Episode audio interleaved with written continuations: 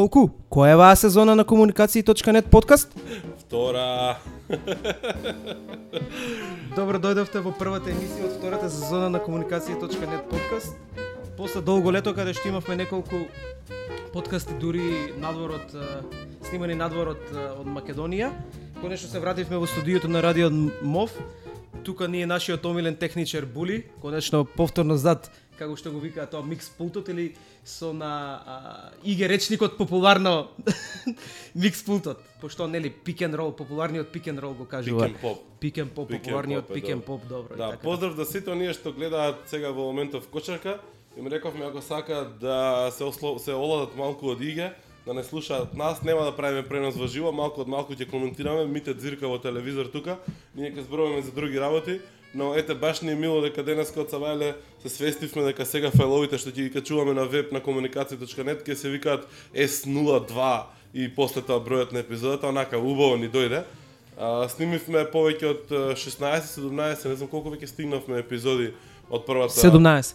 од првата сезона. Почнуваме од почеток со нови сили и нормално на горе-долу исти теми. Значи, ќе се потрудиме и оваа сезона да бидеме што е можно повеќе во живо, но за сите оние што нема да не следат во живо или што сакаат да не слушаат во некој друг термин, во некоја друга ситуација, тогаш знаете и сами комуникација.нет подкаст достапен преку iTunes и на било кој друг RSS feed кој што може тоа да го префрли на вашиот носач на звук. Оваа сезона треба да направиме и джингл кој ќе најавува нашата емисија. Ние нешто смислевме, меѓутоа доколку имате некој интересен предлог а, или сакате да да, да ни испаднете во а, во сусрет и да ни помогнете, Сусрет во пресед. добро не се, што да правам? Па Србија ли това ни играат? А, добро, опростено. Србија ли това ни играат и затоа ја, ми, ми да, јазикот на, на српски. Значи, ако сакате да да ни, да ни излезете во пресрет и да ни помогнете, може било со а, предлози за, за, за джинглот или ко- комплетно да го направите джинглот доколку сакате, сите кредити ќе ќе припаднат на вас и ќе частиме пиво нормално. Сите кредити без камата. Без камата нормално.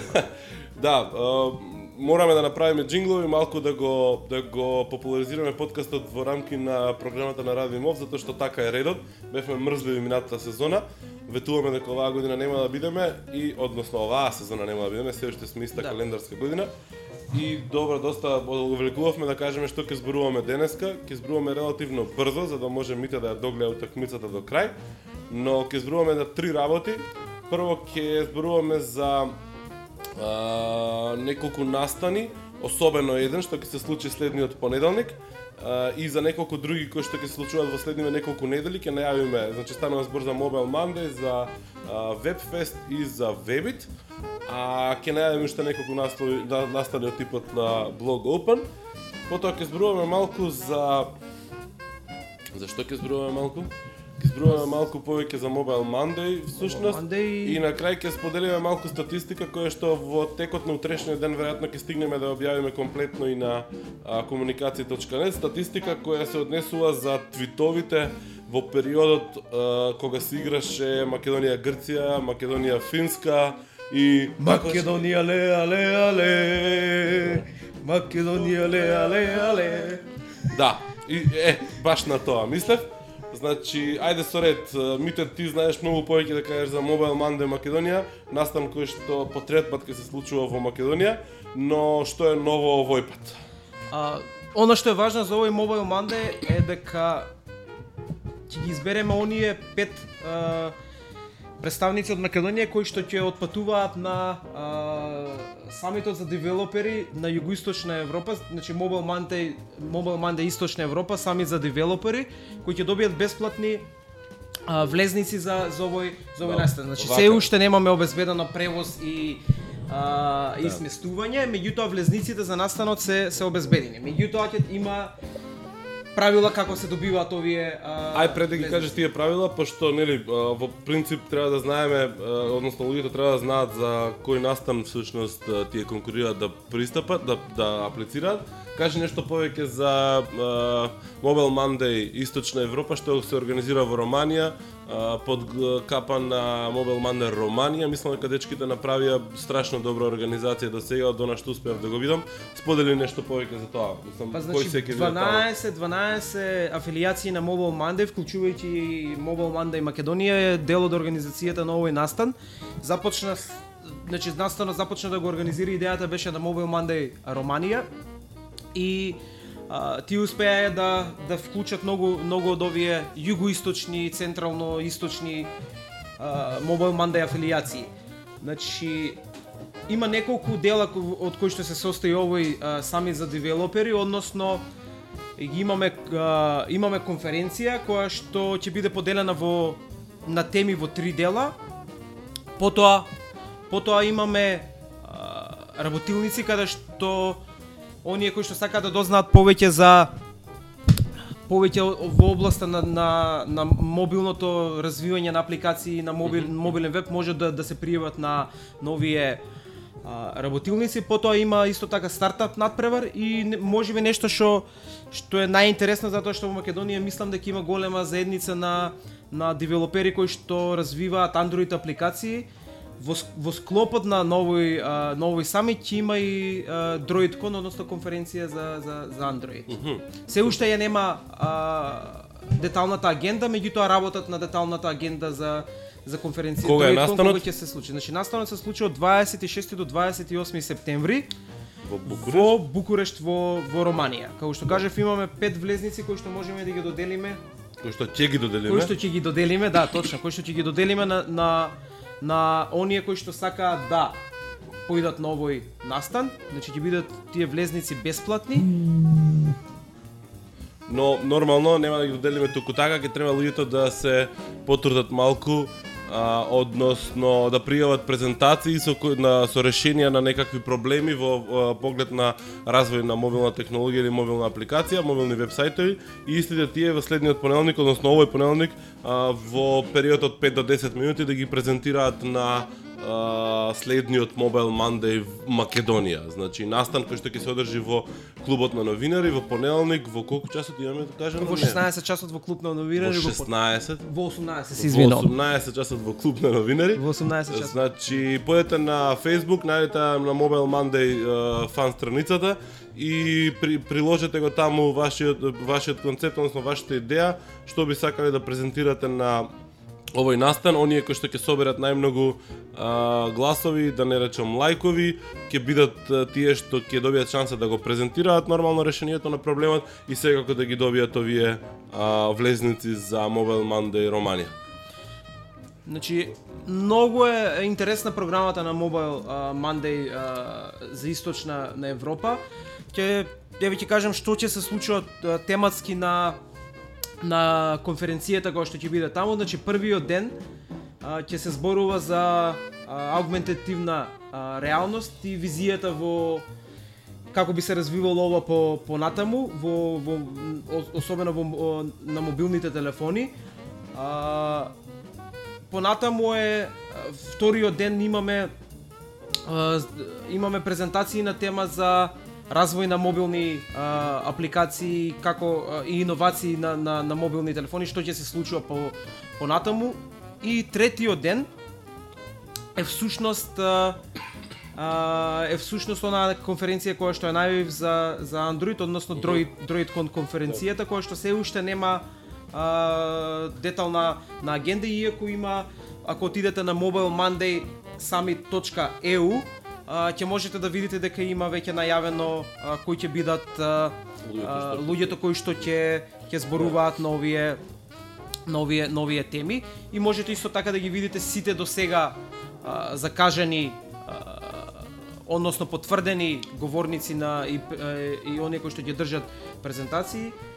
Ед, еден од најголеми најголемите имиња е и а, основачот и председателот на Mobile Monday Global, Јари Тамисто, финец, Нормално, нели? Да. А, значи, генерално е, е многу добар самит, како што и самите а, организатори велат, најголемиот дел од а, од апликациите за мобилни телефони се прават токму во источна а, Европа. Да.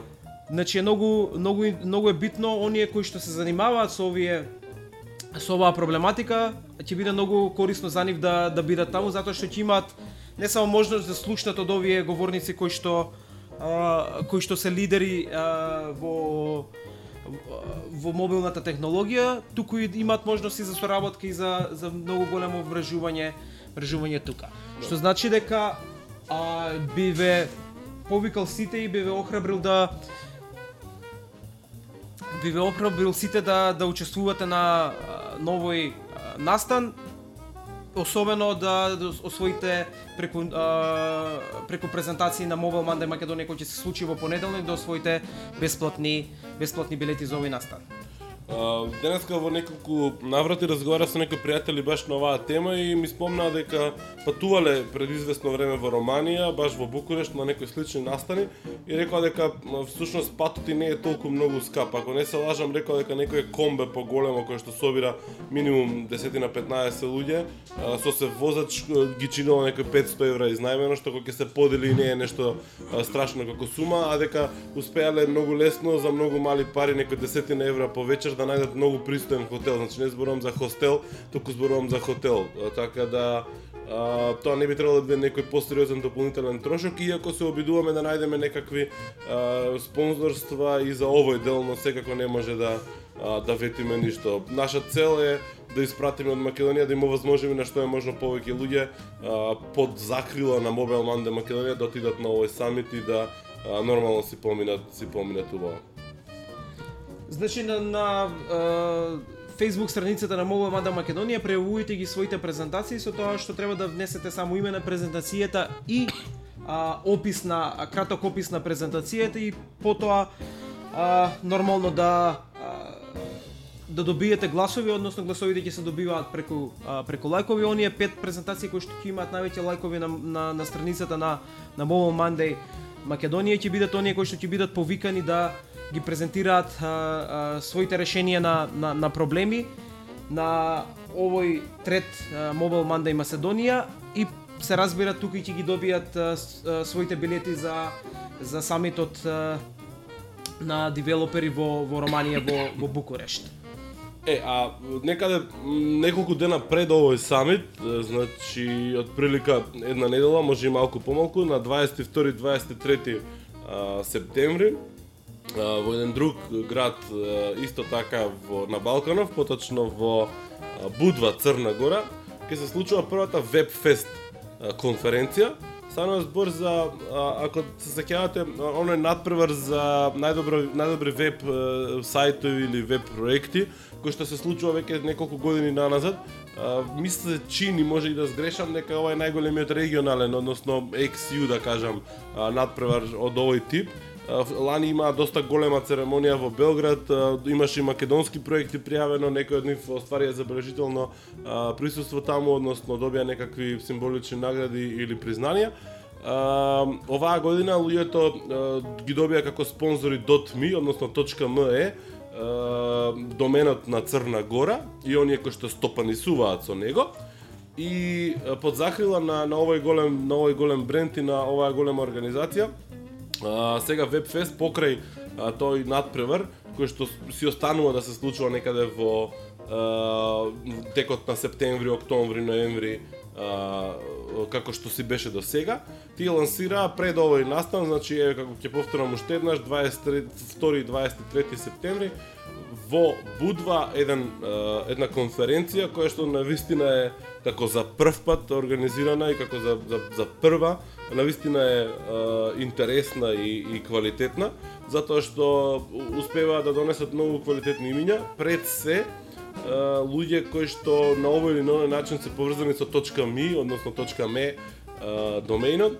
што е сосема не нормално, пошто тие се генералниот спонзор на, на целиот овој настан, но тие имиња не се нималку, нималку неважни. Значи, прв оно што мене најмногу ме, ме, ме привлекува да појдам таму, а ние ќе појдеме, е Мет Муленвек, основачот на WordPress, односно на компанијата Automatic, која што стои за WordPress. и основачот на сервисот About Me, Тони Конрад, кој всушност е еден од по-забележителните ангели инвеститори во светот. Не знам дали сега точно се префили во Европа да работи повеќе или се уште е доминантно во Америка, но ги имате и имате и луѓе од GoDaddy, има луѓе кои што на, како што е словенецот Андреш кој што е технички директор односно работи за Земанта, има луѓе кои што се локалци, меѓутоа својата својата а, својата кариера е изградиле некаде далеко од тука за некои странски компании, па потоа нормално ги има локалните херои, изборувам за Србија, како Владимир Николич од Лимондо и Веселин Јевремович се поактуелниот во на интернет, односно на Твитер и Фейсбук, основач на Comtrade, една од најголемите компании кои што во регионов работат а, продажба на хардвер, ми се чини дека не продаваат софтвер, ама може и да сгрешам душе. Тука ги има и во Македонија, а, со нивно представништво, тие се тие што ги донесоа кинеските компјутери, ако не се лажам. А, кај нас станува збор за она баш а, приказна од соништата во Америка, во Србија, а, како еден а, храбар предприемач, всушност а, направил огромно богатство и империја и сега нормално ужива во тоа. А, нормално четврток и петок будва е доста привлечно, цените овде не се баш така ефтини. Станува збор за станува збор за онаква а, конференција која што цели да донесе а, посетители од онај така наречен C-level, значи некакви извршни директори, маркетинг директори и слично, па затоа а, цените се малце посоленки, надминуваат 100 на 150 евра. Сега веќе нема толку многу време, така да мислам а, дека оние early birds и такви ствари а, се поминати, да, го 150 евра, мислам дека е а, предходната цена, сега вика нешто има попус за студенти и слично, но а, доколку не успеете или не ви се поклопува да истерате и два дена после тоа а, мини одмор или продолжен викенд во Будва, тоа ние ќе го направиме најверојатно, може да го следите комуникација.нет затоа што ќе појдеме таму како официјални блогери од Македонија и ќе се обидеме што е можно повеќе да произведеме материјал. Материјал за комуникација.нет за блогот, веројатно ќе имаме дневни а, прегледи на тоа што се случуваше таму, ќе се обидеме да направиме интервјуа со овие а, ликови кои што ги исчитав пред малку, особено со Мет и со а, а се овој другиот заборев како се викаше. Нормално, сега ми се тргнува екран и го заборев. А, значи Тони Конрад. А, и секако нормално материјал за овој подкаст. Значи нема да правиме блогирање во живо, туку ќе се трудиме на крајот на, на денот да направиме еден сумерен извештај за тоа што се случуваше на на Вебфест и да да направиме некое плюс интервју кое што најверојатно ќе ќе земе дел и во комуникации.нет подкаст иако планираме овие интервјуа да бидат интервјуа самостални кои што нема да да бидат целосно внесени во во комуникација.нет подкастот.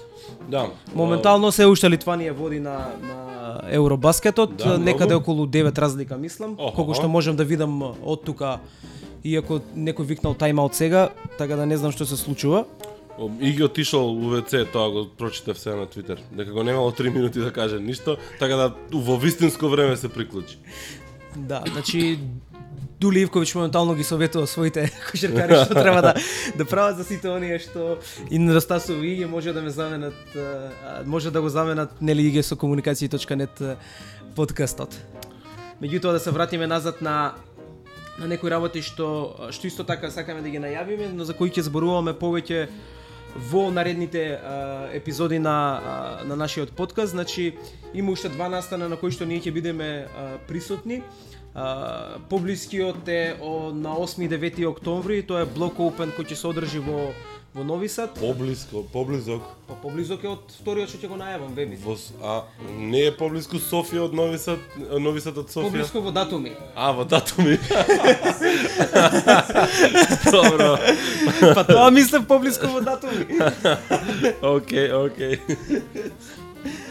Значи поблискиот во датуми, значи од 8 до 9 октомври се случува во Нови Сад, а и е блок опит, мислам дека многу блогери од Македонија го знаат овој овој настан. И биле. И биле на на на, на овој настан. Дарко ќе присуствува таму како официјален блогер на на настанот, а јас ќе бидам таму како а, презентер.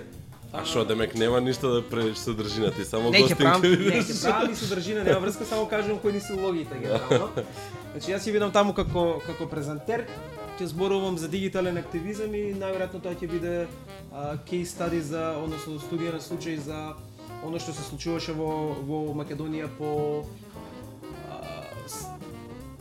по смртта на на Мартин Нешковски, односно по убиството на на Мартин Нешковски, како како македонската заедница, интернет заедница се организираше а, по овој случај. И вториот настан кој што кажав дека ќе биде подалеку, во километри поблиску, тоа е настанот Вебит, а, најголемиот а, настан во југоисточна Европа за е-трговија и за дигитален маркетинг. Па Значи, претендираат да бидат сега, мислам да станат големи на европско ниво. Далеку се се уште, меѓутоа така малку се фураат и за тоа. Јас лани бев таму со неколку а, луѓе кои што ги знаете од Твитер заедницата, како Наталија Трајчевска, Па и Осогово. Осогова, да, Ни- а, Никола Бојков и си поминавме супер Билјана А, да, пеше. Билјана Пешевска беше исто. Со значи четворка отидовме од тука од Ма- Македонија и се поминавме супер. А, има многу интересни работи да се видат на на овој на овој настан иако а, како што кажа Дарко и за Web Fest и тука цените се малце поскапи отколку а, на за Mobile Monday Eastern а, Europe. Меѓутоа доколку успеете преку она игра што има за највлијателни а, во во својата заедница можете да добиете а, бесплатен влез до, до одре, за одредени за одредени а, Мислам презентации. дека, бе. Да, пет, пет, пет луѓе добиваат од, од секој од Ама нема земја. pass, добро, Да, ама да. нема нема нема full pass, значи ние така оваа четврка што ја кажав претходно, лани така отидовме на на Вебит, меѓутоа сепак беше беше супер супер настан дури иако нели дел од од презентациите беа прилично комерцијални. И исто така ако зборуваме сега па за логистика, сместување, патување, многу до, до Софија е лесно, нели имаме директна Да. автобуска линија, лесно да се стаса. Можете многу за многу а, ефтини пари да најдете супер опремен а, апартман, стан, целосно ќе го изнајмите кој, во кој што а, нема да поминувате многу време, верувајте. Нормално. Нормално, меѓутоа сепак е супер, значи обезбеден со, со, со сите модерни услови кои што треба да ги има еден а, еден а, еден а, стан. Се разбира тука на а, неизбежната ствар е да има интернет. Е, де, шо? Па добре да мора да има интернет, после да пишуваш а, на крај нешто како што јас правев, на, назад кога ќе се вратев извештај од, од денот. аха. Тоа зависи што правиш, што сакаш. Така. Иначе можеш да одиш и да се забавуваш. Добро, ти си нели ра- работникот кој што постава мора да се жали. Да, во секој случај оваа година вебит вебит уште поголем него лани, отколку лани со многу повеќе паралелни сесии, со многу повеќе делови, надпревари и чуда врагови.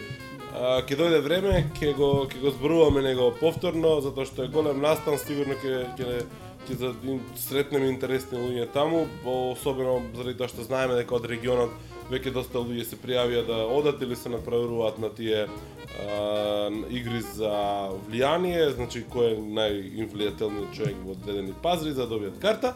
Има две новини, мислам дека оваа година. Тоа е стартап стартап на преварот, стартап Village и а, уште една меѓутоа моментално не ми текна, меѓутоа ќе зборуваме за за за вебит за вебит подоцна. Ја би предложил сега да а, да одиме на темата која што ја најавив ми Каракаш најверојатно Макембеа а, ја чека, односно да кажеме нешто за Мак Баскет. Па не знам дали не слуша, никој не се пријави дека не слуша и баш сега твитнав као не слушали некој, коприва се пријави као дај линк нешто, едно друго, нормално радио mov.mk е, е линкот. Да, иначе ваму на баскетов изгледа згусна, не ми, а, не ми дофрлаат многу очите, ама гледам две седмици, а, последните бројки не. 70-78 Не за Литванија, значи не се згуснало, меѓутоа верувам дека ќе биде па многу брзо до крај. До крај има време, да. Се префрламе ние на баскет темата, меѓутоа нема да коментираме толку многу и утакмица во, во живо затоа што за оние што нема да не случаат сега тотално ќе биде неважно. А, изминативе денови а, нормално а, страшно многу беше интересно да се следи Twitter стримот а, со хаштагот MacBasket затоа што македонската презентација се надмина себе си, нели? А, и а, направи огромни резултати, но тоа придонесе и многу луѓе да е, станат поактивни или да пишуваат поактивно на Твитер. Ископавме некоја статистика, се уште не е онака фино графички обработена, имам како некоја Excel табела. И ајде вака, значи со ред, имам статистика за последните 7-8 дена е, за твитови кои што го содржат хаштагот MacBasket и нормално трети девети има најмногу твитови како календарски ден, тоа е денот кога Тоа беше нели историскиот ден за македонската кошарка и македонската а, држава, македонската нација, иако искрено да ви кажам мене победата против Хрватска повеќе ми направи кејф. Односно тоа беше пода- победата против Грција и нормално дека а, дека има толку многу Добро, има твитови тој значи ден. 1015 твитови а, а, тој ден. Нормално најмногу во споредба со следните два дена, кога исто така нели беше еуфоријата голема.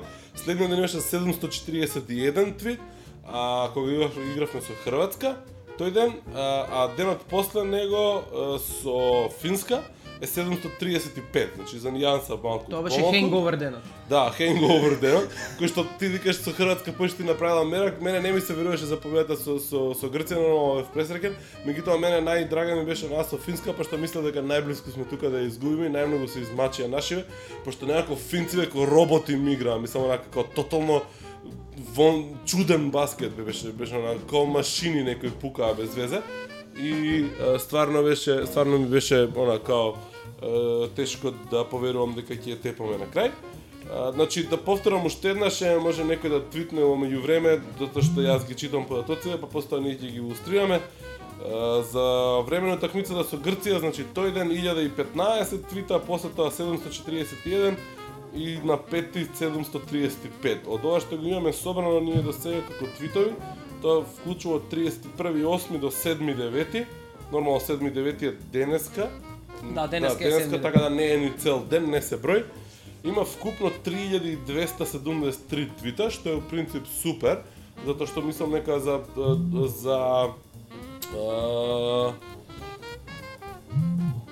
како се викаше, а, за протестирам имаше 4000 и нешто вкупно. Да.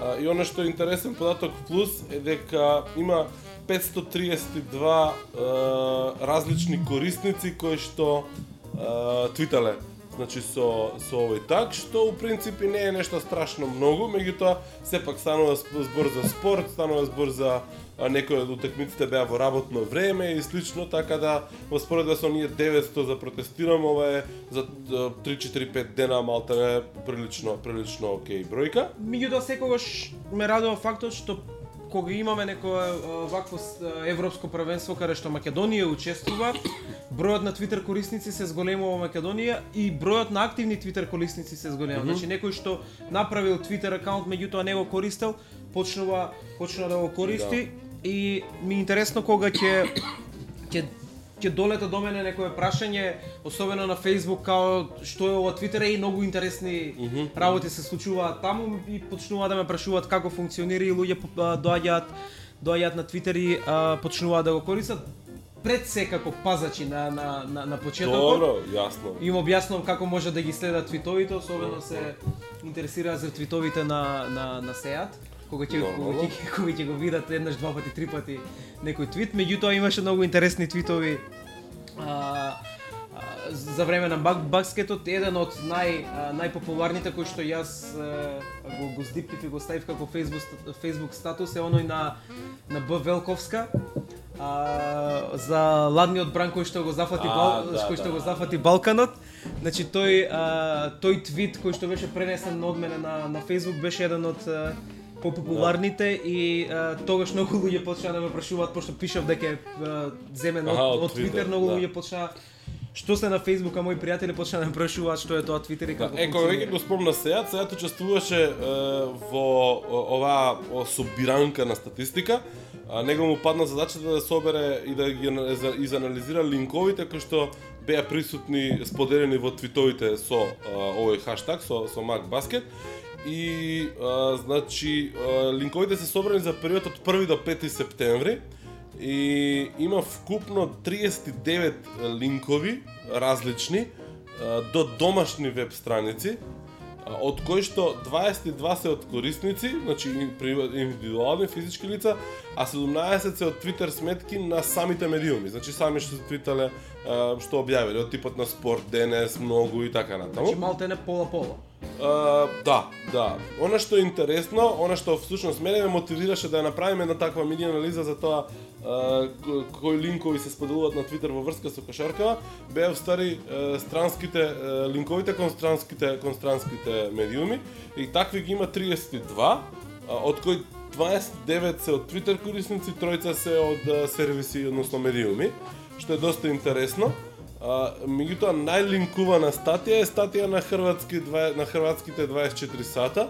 Онаа статија со наслов дека споменик во Скопје ќе се гради изјавата на Гечевски. И има уште некои детали тука, кои се поединечно, колку линкови имаат домашните, колку имаат странските. Од странските ќе ги набројам NBA.com со два линка, Global Voices со своји линкови внатре, Eurobasket со два линка, 24 сата, со 8 а, постави, значи 8 твитови со линкови, Index HR, HR Sport, HR Sport некој 9, добро, 9 гек, окей. Мене искрено да кажам многу Екатерини има 3, ESPN и B92. Мислам, доста хрватски има, што е доста интересно. Чекај да ги видам македонски ве спорт. Денес кај на онет Макенбе, Кирилица, блог, бркај работа, МК Википедија здраво, баскетбол орга МК нет прес курир вест. Е тоа сакав да го потврдам. Го нема, вклучи се. Да. Оној што е официјален спонзор и специјална страница беше направена за Да. за за точно за за европското првенство, никаде го нема. Ќе разгледаме малце подетално зошто е тоа така и кои се причините зошто има толку многу линкови до хрватските медиуми. Јас ќе ти ја кажам одма причината. Ајде поведи. Хрватските медиуми ги вадеа побрзо текстовите од било кој македонски Да? медиум. Да. Значи, а, и беа најбрзи од било кој друг а, на а, барем што што што што следев. Дури ни eurobasket.2011.com не бадаше побрзо отколку а, Index Hire а, с 24 како како беше оно и оној спортски 24 сата, да. И оној што е да, само спортски имаше. спорт, вајда. ХР спорт, Да. вајда. Значи они ги вадеа многу брзо.